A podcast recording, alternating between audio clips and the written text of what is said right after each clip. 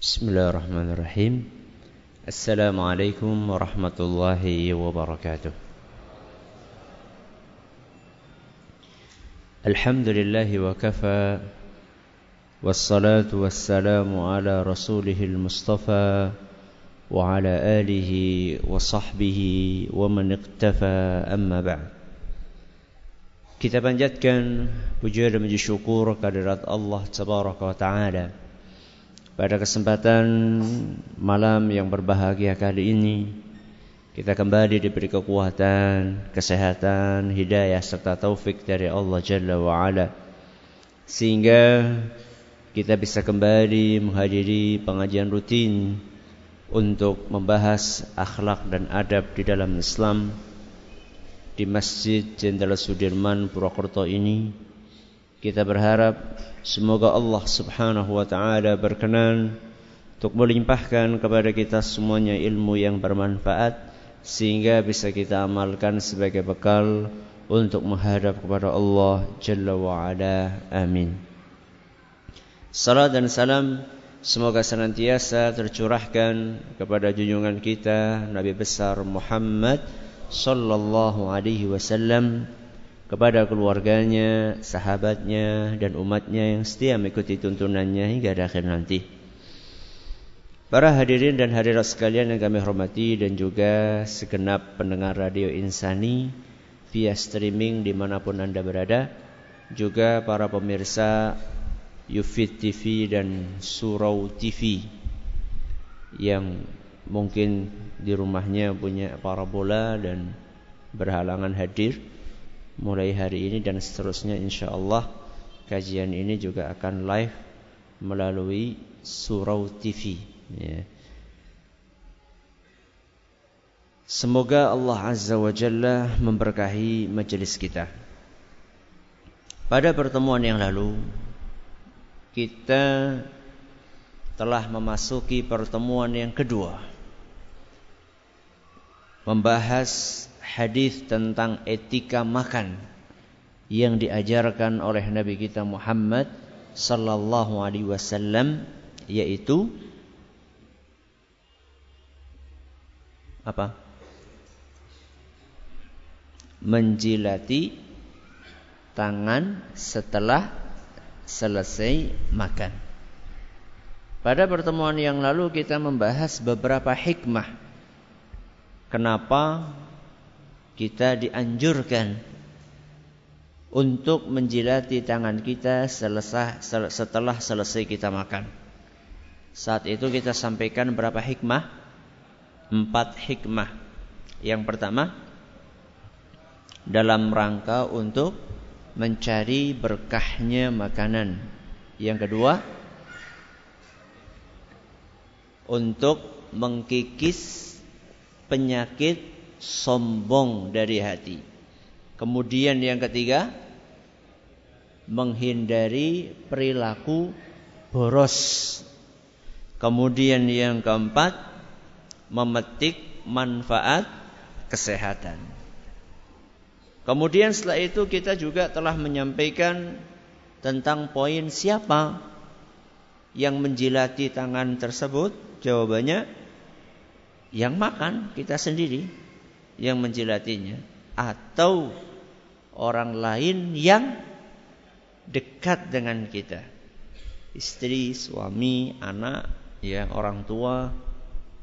Itulah yang dimaksud dari hadis Nabi SAW yal'aqaha au yul'iqaha. Hendaklah dia menjilati tangannya atau meminta orang lain untuk menjilatinya yang dimaksud adalah orang yang punya hubungan dekat dengan kita. Kemudian poin yang sudah kita bahas juga pada pertemuan yang lalu adalah apa hukumnya? Apa hukumnya mempraktekkan amalan ini? Saat itu kita sampaikan bahwa menurut mayoritas ulama hukumnya apa? Hukumnya sunnah. Hukumnya sunnah. Adapun sebagian ulama yang berpendapat wajib itu adalah madhab masih ingat madhab namanya zohiri apa namanya madhab zahiri. Itu berpandangan bahwa adab tadi hukumnya adalah wajib. Kemudian kita tutup dengan pembahasan bagaimana boleh nggak kita meninggalkan sunnah ini, meninggalkan etika ini dengan harapan untuk merealisasikan maslahat yang lebih besar. Seperti contohnya kemarin kita kita kasih sampel ketika kita sedang melakukan PDKT pendekatan kepada non muslim yang kita harapkan dia bisa masuk Islam kemudian kita ajak dinner misalnya kita ajak makan malam di mana? Di restoran ya. karena dia orang yang mampu kita juga alhamdulillah mampu. Sambil lobby dakwahnya jadi bukan hanya lobby bukan hanya lobby bisnis ya. Lobby dakwah. Nah, kalau kita praktekkan etika tadi, makan di restoran bisa saya makan apa? Jilat di tangan. Khawatirnya dia nggak jadi masuk Islam karena pendeknya pengetahuan dia tentang hal tersebut dan belum saatnya kita sampaikan itu kepada dia, maka tidak ada masalah. Bahkan bisa jadi dianjurkan untuk tidak kita lakukan sunnah itu. Karena adanya maslahat besar yang kita harapkan bisa kita raih. Yaitu apa maslahatnya? Masuk Islamnya dia. Dan ini meninggalkan sesuatu yang sunnah dalam rangka untuk mendapatkan maslahat yang besar sudah dipraktekkan oleh Nabi kita Muhammad Sallallahu Alaihi Wasallam. Rasulullah SAW sendiri mempraktekkan hal itu. Pada pengajian Ahad kemarin, fikih sirah saya menyampaikan hal itu di tanya jawab akhir. Yaitu tentang seputar renovasi apa? Ka'bah. Masih pada ingat apa enggak? Yang hadir ingat yang gak hadir? Gak hadir gimana mau ingat? Bahwa Ka'bah yang ada saat ini Ka'bah yang ada saat ini bangunannya itu tidak seperti Ka'bah yang dibangun oleh siapa? Nabi Ibrahim alaihissalam. Bahwa Ka'bah yang asli dibangun oleh Nabi Ibrahim beserta putranya siapa? Nabi Ismail. Itu bentuknya bukan kotak, bukan kubus. Tapi kubus plus setengah lingkaran, lengkungan. Jadi setengah lingkaran yang saat ini temboknya paling cuma segini tingginya, setengah lingkaran, itu aslinya bangunannya masuk ke dalam Ka'bah. Jadi aslinya Ka'bah itu bentuknya adalah kotak plus setengah lingkaran ujungnya. Salah satu sisinya. Kok bisa aslinya seperti itu terus jadi seperti ini? Jadi seperti sekarang. Ceritanya adalah ketika zaman orang-orang suku Quraisy saat itu Ka'bah terkena banjir bandang sehingga rusak berat. Tembok-temboknya pada ambrol, pada ambruk. Lalu mereka berpikir untuk merenovasi Ka'bah. Diperkuat lagi, diperbaharui lagi temboknya. Dan mereka sepakat bahwa ketika merehab itu tidak ada dana kotor yang masuk. Tidak ada dana kotor yang masuk. Penghasilan-penghasilan haram tidak boleh digunakan untuk merenovasi Ka'bah. Padahal mereka orang Islam apa musyrik saat itu? Musyrik. Wong musyrik yang ngerti ya duit kotor gue ora pantes gue bangun rumah ibadah. Masa wong Islam ora paham? Ya. Wis genah-genah bunga bank malah nggo bangun masjid. Orang musyrik aja paham itu nggak layak. Ya. Masa mau dibikin untuk sesuatu yang sifatnya positif? Ya. Jadi musyrikin saat itu mereka sepakat. Mereka berkonsensus bahwa tidak boleh ada duit kotor yang masuk untuk membiayai renovasi ini. Nah, karena mereka sepakat tidak ada yang masuk kecuali duit yang bersih-bersih, mereka kekurangan dana. Karena ternyata duit-duit yang bersih itu tidak banyak. Akhirnya hanya cukup untuk sampai membangun kubus tadi.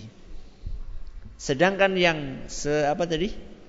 Setengah lingkaran itu duitnya nggak cukup.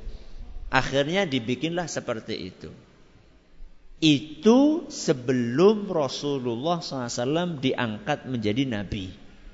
Begitu Rasulullah SAW diangkat menjadi nabi, terjadi pertempuran ini, pertempuran itu, harta kaum muslimin tambah banyak, baitul mal kaum muslimin hartanya banyak dari hasil rampasan perang dan lain-lain. Intinya kaum muslimin kaya saat itu. Mampu nggak saat itu mereka untuk merenovasi Ka'bah? Mampu karena dananya ada. Dananya ada. Allah memberikan keberkahan kepada kaum muslimin. Akan tetapi kenapa tidak dilakukan oleh Rasul SAW? Kenapa Rasulullah SAW tidak mengembalikan Ka'bah seperti bangunan aslinya? Padahal dananya ada. Dijelaskan oleh beliau sendiri alasannya. Dalam sebuah hadis yang diriwayatkan oleh Imam Bukhari dan Muslim Kata Nabi kita Muhammad sallallahu alaihi wa ala alihi wa sahbihi "Laula hadatsatu ahdi qaumiki bil kufri." Wahai Aisyah. Nabi SAW sedang menjelaskan hal ini kepada istri beliau yang mulia. Siapa? Aisyah. Wahai Aisyah. Kalau bukan karena kalau bukan karena kaummu baru masuk Islam. Kalau bukan karena kaummu baru masuk Islam. Kaummu itu maksudnya orang-orang Quraisy. Kalau bukan karena orang-orang Quraisy baru masuk Islam, berarti orang baru masuk Islam imannya imannya masih belum kuat imannya mereka belum kuat lanaqattul ka'bata wala ja'altuha ala asasi Ibrahim. Kalau bukan karena pertimbangkan iman kaummu belum kuat wahai Aisyah, niscaya aku sudah renovasi ulang Ka'bah dan aku akan bangun seperti dahulu Nabi Ibrahim membangun Ka'bah. Apa alasannya Rasul SAW? karena iman kaummu belum kuat. Seandainya aku lakukan ini, yaitu anjuran untuk mengembalikan Ka'bah seperti aslinya, bisa-bisa banyak di antara kaummu keluar dari Islam. Alias mur, murtad. Kenapa mereka murtad? Karena mereka akan mengatakan ini Muhammad Barang Islam teka apa-apa diubah, apa-apa diubah. Nanti Ka'bah ya diubah. Karepe apa sih jane? Ya wis lah, tak bali maning. Murtad lagi bisa jadi seperti itu. Dan itulah prediksi dari Nabi Muhammad SAW. Ya. Akhirnya Nabi tidak jadi melakukannya. Perbuatan Nabi SAW ini meninggalkan sunnah mengembalikan bangunan Ka'bah seperti aslinya meninggalkan hal tersebut dalam rangka untuk menghindari terjadinya mafsadah yang besar diambil kesimpulan dari kejadian itu oleh Imam Bukhari rahimahullah di dalam kitab Sahih Bukhari babun bab disyariatkannya bagi seseorang untuk meninggalkan beberapa hal yang hukumnya sunnah apabila dikhawatirkan pemahaman orang belum sampai untuk bisa menerimanya. Ya kayak tadi itu. Ketika kita jilati di restoran, orang ini baru belajar, baru tertarik Islam. Begitu ngelihat, ih, mesti ini temen. eh, gak orang belum Islam jadi kayak kie. Wah, nyong tau rasidah lah. Gak jadi saya masuk Islam. Berarti kan akan ada maslahat yang luput. Kira-kira lebih besar mana? Maslahat jilati tangan apa orang masuk Islam? Orang masuk Islam. Orang masuk Islam maslahatnya jauh lebih besar. Makanya ada maslahat yang ditinggalkan yaitu menjalani tangan dalam rangka untuk menggapai maslahat yang lebih besar. Sudah. Itu pembahasan kita kemarin. Terus saya tambahi keterangan tadi dalil dari hadis Rasul Shallallahu Alaihi Wasallam. Ah sekarang kalau ada orang meninggalkan sunnah tadi, alasannya nggak suka. Alasannya apa? Gak suka, benci dengan sunnah Rasul SAW. Gimana? Boleh atau tidak? Boleh atau tidak? Atau tidak boleh? Kenapa inti kalau kan? Ah, enggak. Apa itu? Enggak cocok dengan apa? Enggak cocok dengan budaya modern. Ini kan kita kan manusia-manusia apa? Modern. Oh iya? Iya, manusia modern. Lihat aja pakaiannya. You can see. Manusia apa? Modern. Itu yang pakaiannya rapat-rapat tuh kuno. Yang pakaiannya rapat-rapat tuh kuno. Yang modern itu adalah yang apa? Yang rok mini itu modern. Ya. Terus yang bajunya you can see apa namanya? Tank apa? Tank top. Ya. Tank top. Apa sih tank top? itu modern itu ya. Kalau yang uh, pakaiannya pakai jilbab gitu, kedombrang-kedombrang itu zaman bahula. Subhanallah. Kira-kira yang lebih cocok untuk dijadikan sebagai orang yang uh, memiliki peradaban terbelakang itu yang mana? Yang bajunya minim-minim apa yang bajunya rapat-rapat? Coba sekarang kita kan pernah belajar ya di SD atau belajar di SMP saya lupa. Ada fosil-fosil Meganthropus apa namanya? Lalu kayak gue lah maksud. Meganthropus titik-titik ya. Itu gambar-gambar manusia purbakala itu bajunya kayak apa? Minim apa rapat? Minim. Berarti semakin minim semakin mirip manusia purbakala. Lah modernnya nanti. Katanya kalau pakai rok mini itu modern. Itu bukan modern. Itu kembali ke zaman apa? Purbakala. Ya. Nah sekarang, ah, saya nggak cocok itu, nggak modern itu. Jilat-jilat tangan habis makan. Kita kan kalau makan kan semuanya siapa? Kadang saya bingung juga itu kalau suatu saat diajak makan di mana gitu kan. Ana sendok, ana garpu, ana pisau, ana pergi jenis sing ana lap sing gede banget ki nggo ngapa. Bingung saya kira. Ya, ada makanan pembuka apa namanya? Apa? Apa? Diset, diset bukannya penutup. Diset penutup. Aku yang ngerti titik-titik lah. diset ya. Pembukaannya apa namanya? Apa appetizer, angel temen sih. Ya sampai ada makanan pembuka, ada makanan utama, ada makanan penutup. Ya. Jarku pembuka ya wis wareg. sampai ada ada mukodimah, ada ada khotimah ya. Wah ini gak cocok, ini gak modern ini. Ya.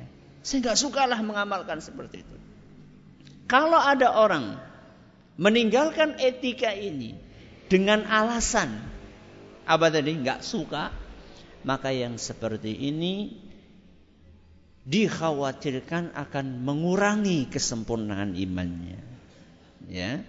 Dikhawatirkan akan mengurangi kesempurnaan imannya.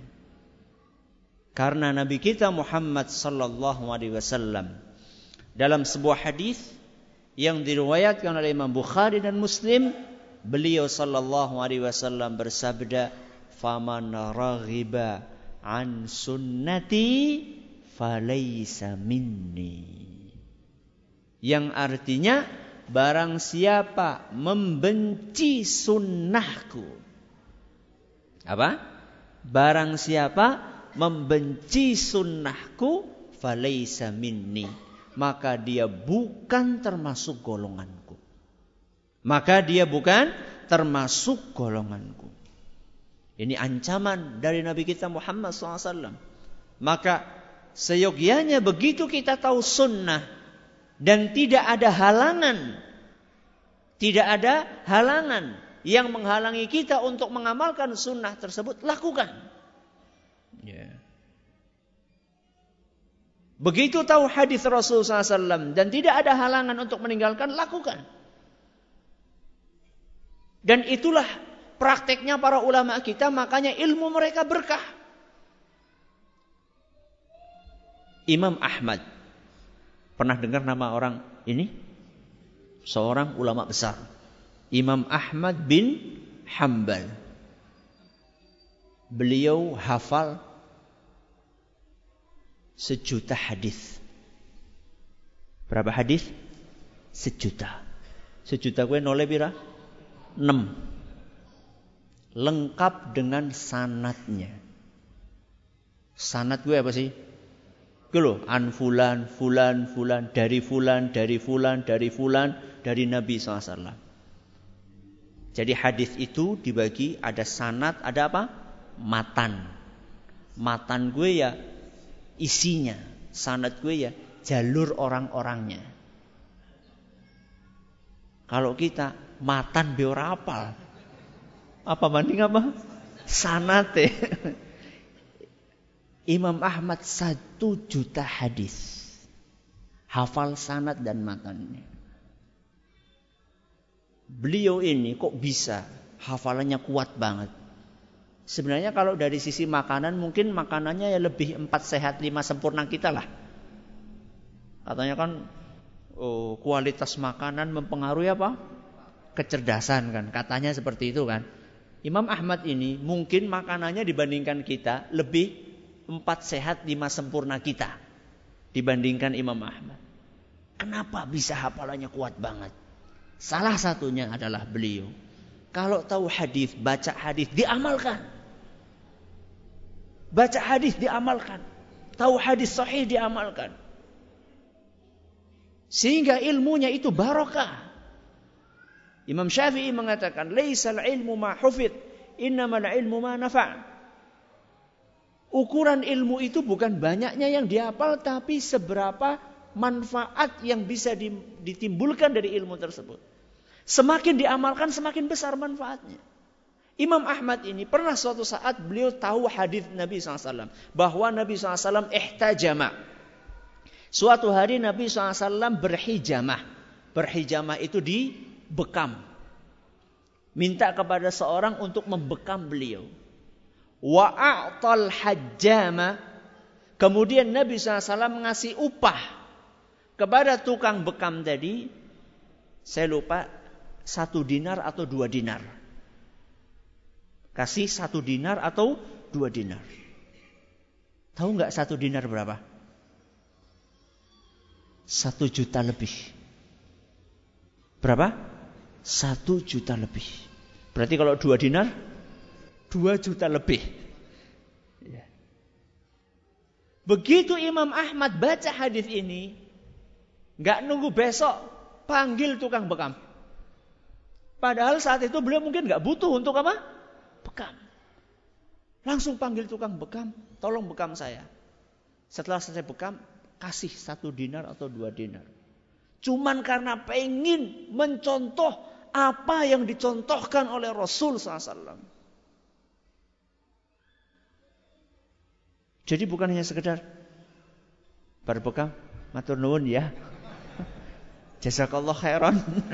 Syukron.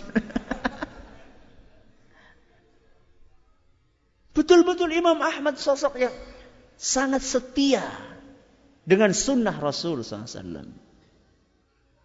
Makanya orang-orang yang tidak mengamalkan etika tadi, menjilat tangan dengan alasan gak suka, dengan alasan benci, maka dikhawatirkan hal itu bisa mengurangi kesempurnaan keimanannya karena Rasulullah SAW bersabda, "Faman raghiba an sunnati falaysa minni." Barang siapa yang membenci sunnahku, maka dia bukan termasuk golonganku. Terakhir ya, yang sudah kita janjikan sejak awal bahwa etika menjilati tangan setelah makan. Kita sudah bahas etika ini dipraktekkan setelah apa? Makan. Bahwa manfaat-manfaat yang bisa kita ambil dari sunnah ini terkait dengan adab-adab sebelum dan sesudah makan. Jadi adabnya, adab makan itu ada yang perlu diperhatikan dan dilakukan sebelum dan ada yang ketika serta sesudah.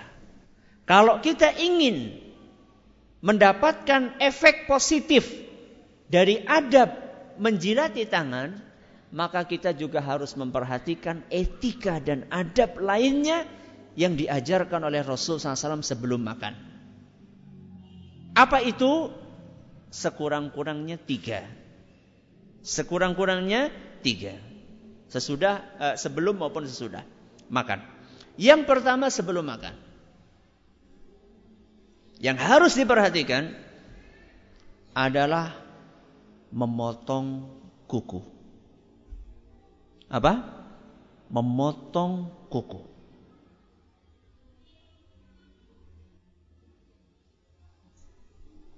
Kenapa kok memotong kuku? Karena ketika kita ingin mempraktekkan menjilat tangan sebelum makan, mau tidak mau kita akan makan pakai tangan.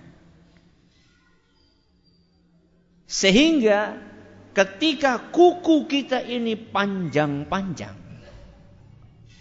biasanya akan bercokol apa kuman-kuman dan cacing-cacing dan item-item di dalam kuku kita lalu kita makan kita jilati apanya kotorannya Ustaz, itu masa sampai potong kuku diatur dalam Islam? Iya. Islam sampai masalah potong kuku diatur dalam agama kita. Jadi bukan hanya sekedar aturan dari sekolah. Ketika kita dulu SD mau masuk kelas disuruh apa? Terus kita umpetin apa? Satu jari ya, biar gak kelihatan kuku yang panjang. Bukan hanya masalah etika yang diajar sekolah. Ini etika dari Nabi SAW. Beliau Sallallahu Alaihi Wasallam bersabda dalam sebuah hadis yang diriwayatkan oleh Imam Bukhari dan Muslim.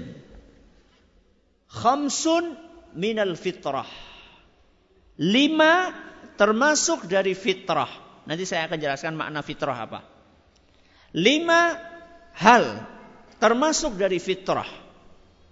Yang pertama al-khitan. Apa al-khitan? Sunat.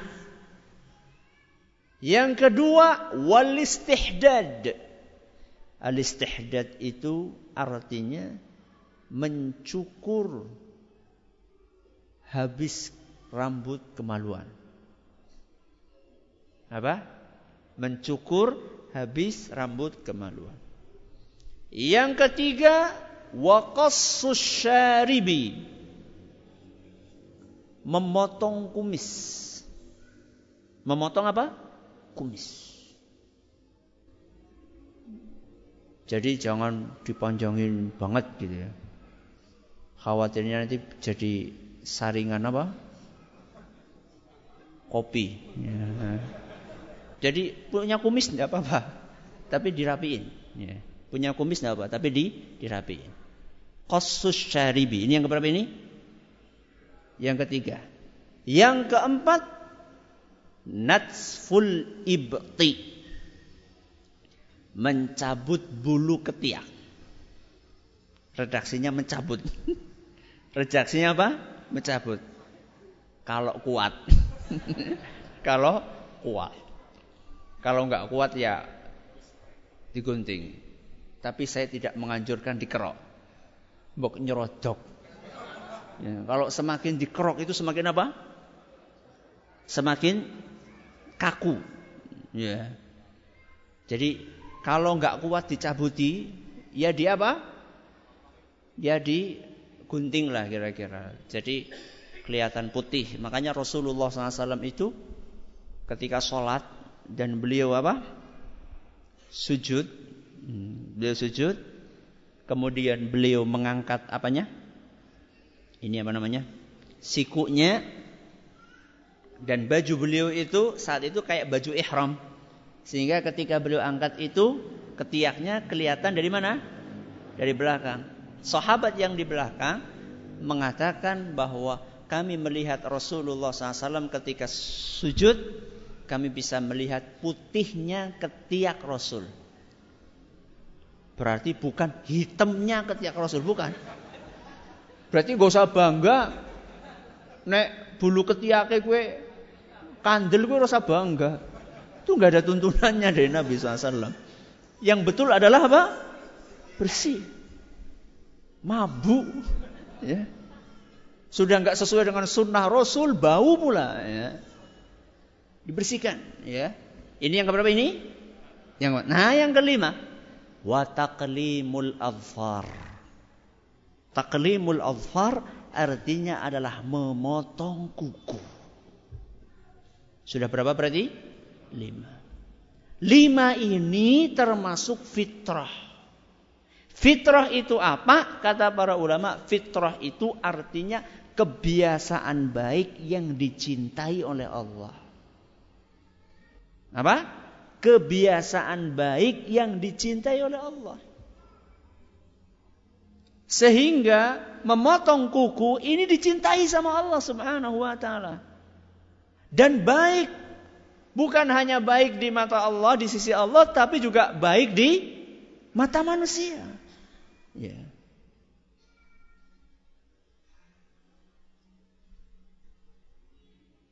Para ulama kita juga mengatakan Alasannya pertama itu kebiasaan baik. Alasan berikutnya kata para ulama adalah untuk kebersihan.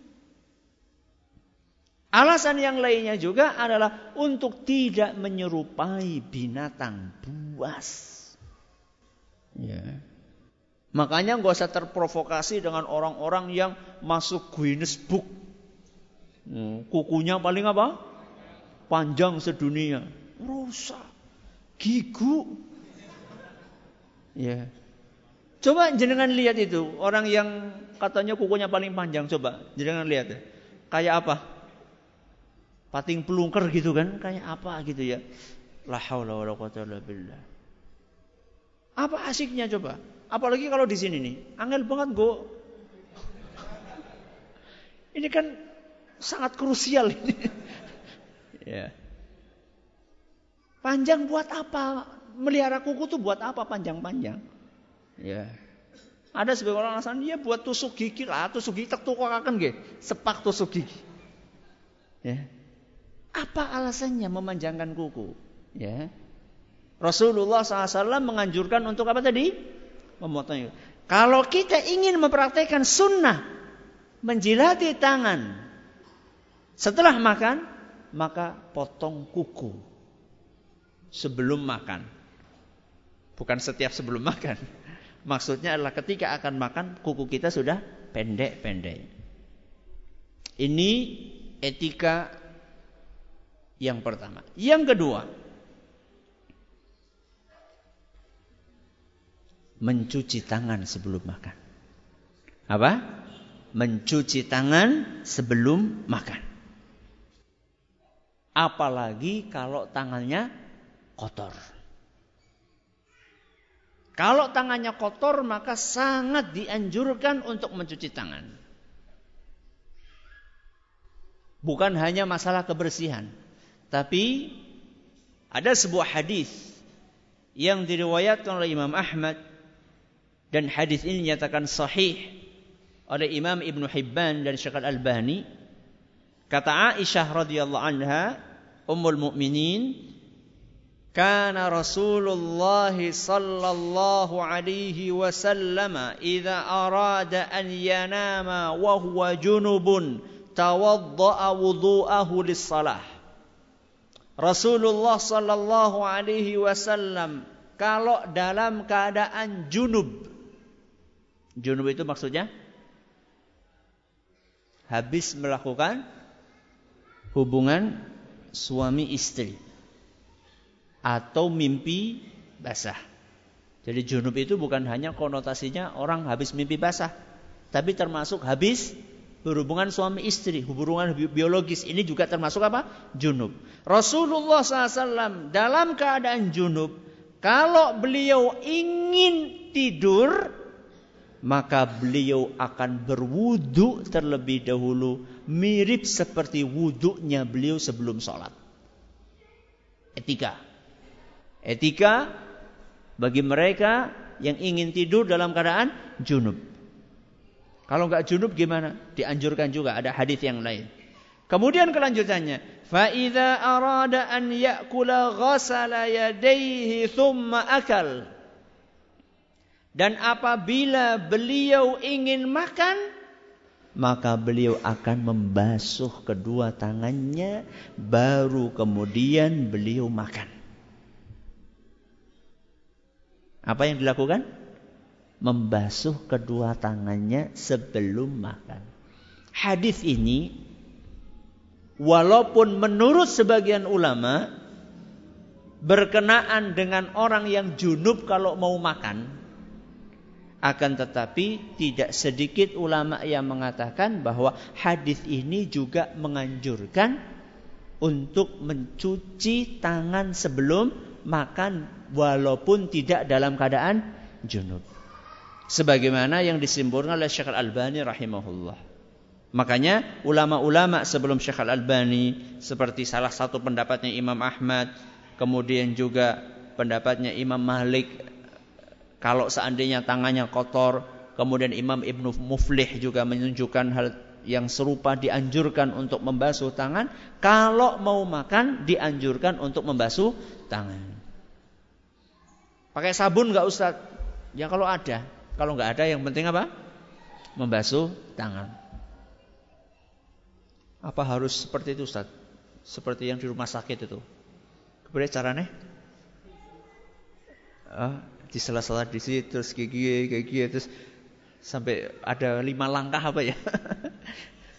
apa harus yang Ya nggak harus lah, nggak harus. Kalau bisa lebih bersih ya lebih bagus. Kalau enggak ya yang penting apa? Cuci tangan. Jadi jangan sampai seperti yang tadi kita sampaikan. Orang baru dari sawah. Orang baru dari sawah. Tahu-tahu lagi istirahat langsung disediakan makanan. Tanpa cuci tangan langsung makan. Setelah itu langsung dijilati. Kan jilati apa? Jilati panganan apa jilati belet? Ya.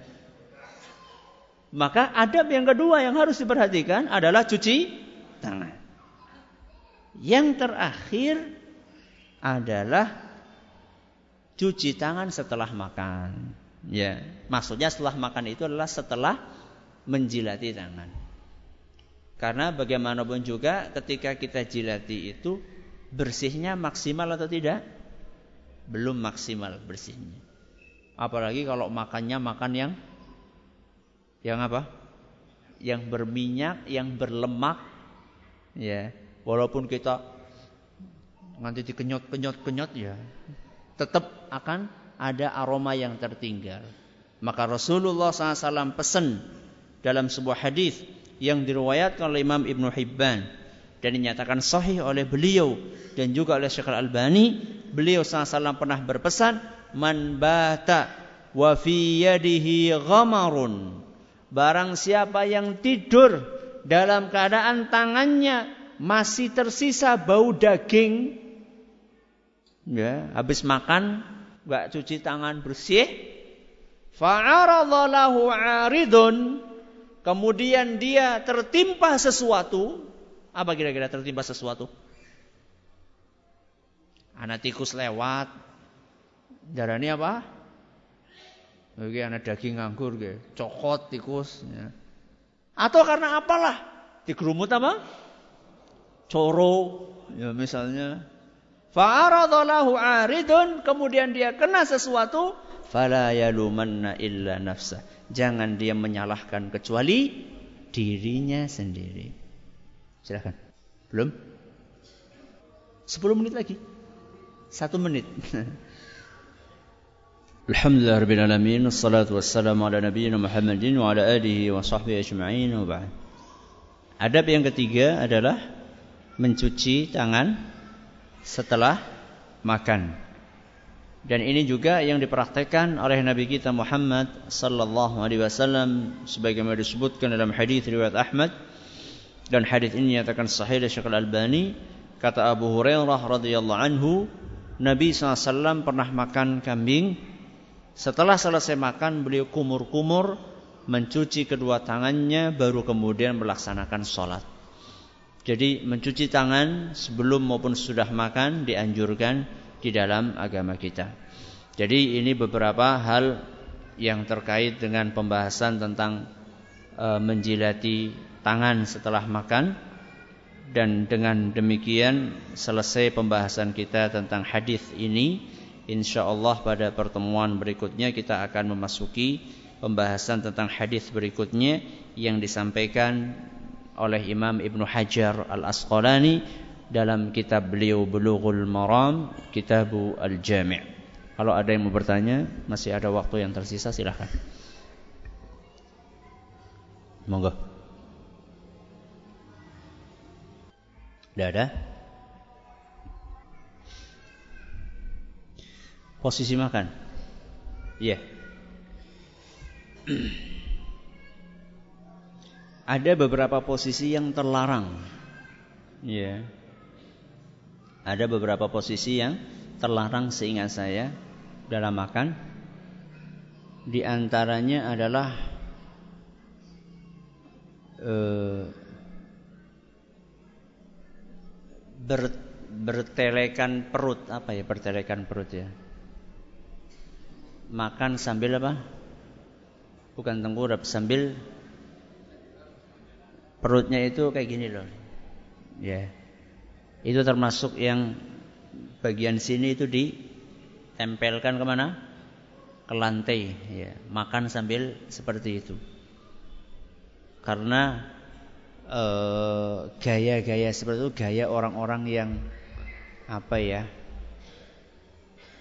e, terlalu bermewah-mewahan di dalam makan. Ya. Kemudian ada sebagian ulama juga menjelaskan bersandar, ya. Jadi sambil makan sambil apa? Sambil senderan. Ya. Maka sebaiknya ya kalau pas makan ya tidak apa? Tidak bersandar kecuali orang sakit atau dalam kondisi-kondisi tertentu. Adapun posisi duduk saat ini saya belum terlalu yakin dengan apa yang saya ingat ya. Mungkin perlu untuk dibaca ulang ya. Saya khawatir menyampaikan sesuatu yang salah. Ya. Ada sebagian yang menjelaskan tentang posisi duduk ya. Posisi duduknya seperti apa? Hanya saja itu tentu dipraktekkan ketika kita makan di di bawah ya, alias di lantai bukan ketika kita makan di atas kursi ya.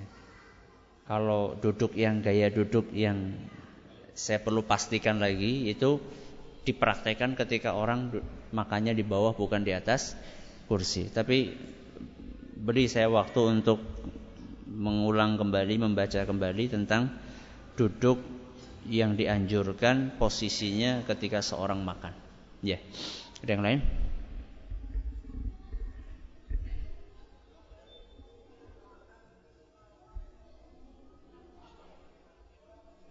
Gimana? Makan pakai sendok. Boleh atau tidak? Ada sebagian ulama, sebagian ulama ya, berpendapat bahwa makan pakai sendok itu sesuai sunnah. Malah sesuai apa? Sunnah. Apa alasannya? Karena dengan tiga jari. Karena dengan tiga jari. Dan Rasulullah SAW mengajarkan kita makan pakai tiga jari. Megang sendok kan kayak gini. Tiga jari kan. Apa ada orang megang sendok kayak gini? Itu megang pisau namanya. Kata ulama ini justru kalau makan pakai sendok itu lebih nyunnah. Wallahu alam bisawab. Kalau pakai sendok kita nggak bisa jilati apa? Jari. Jadi yang dijilati apa? Sendoknya nanti. Ya. Walaupun menjilati piring, ya. Itu juga ada sunnahnya di Nabi SAW. Ya. Akan tetapi wallah alam bisawab tetap uh, lebih baik pakai tangan kalau memang dibutuhkan. Lebih baik pakai tangan karena itulah yang dipraktekkan oleh siapa? Rasulullah SAW. Kalau toh membutuhkan makan pakai sendok tidak ada masalah. Kalau toh membutuhkan makan pakai sendok tidak masalah. Karena makan menggunakan tangan bukan sesuatu yang wajib. Makan menggunakan tangan maksudnya pakai tangan langsung. Mau nggak mau kita pakai tangan. Mau sendok mau nggak kita pakai apa? Tangan. Maksudnya makan menggunakan tangan langsung itu bukan sesuatu yang wajib sehingga ketika kita tidak lakukan kita pakai sendok apalagi kondisinya menuntut demikian ya seperti makan bakso ada apanya ada kuahnya kalau pakai tangan kan sulit banget. Ya. Yang kita makan kan nggak cuma pentolnya. Yang kita makan juga apa? Kuahnya. Coba bayangkan, makan bakso, kuahnya pakai tangan. Gimana coba caranya? Masa enggaknya kayak gini? Ya. Ya mau nggak mau kita pakai sendok. Jadi aslinya kalau bisa makan pakai tangan. Kecuali kalau kondisi menuntut untuk pakai sendok, insya Allah tidak ada masalah. Wallahu a'lam bishawab. Ini yang dapat kami sampaikan. Semoga bermanfaat buat kita semuanya. Terima kasih atas perhatiannya. Mohon atas segala kurangannya. Kita tutup dengan membaca Subhanakallahumma bihamdika. Asyhadu an la ilaha illa anta astaghfiruka Assalamualaikum warahmatullahi wabarakatuh.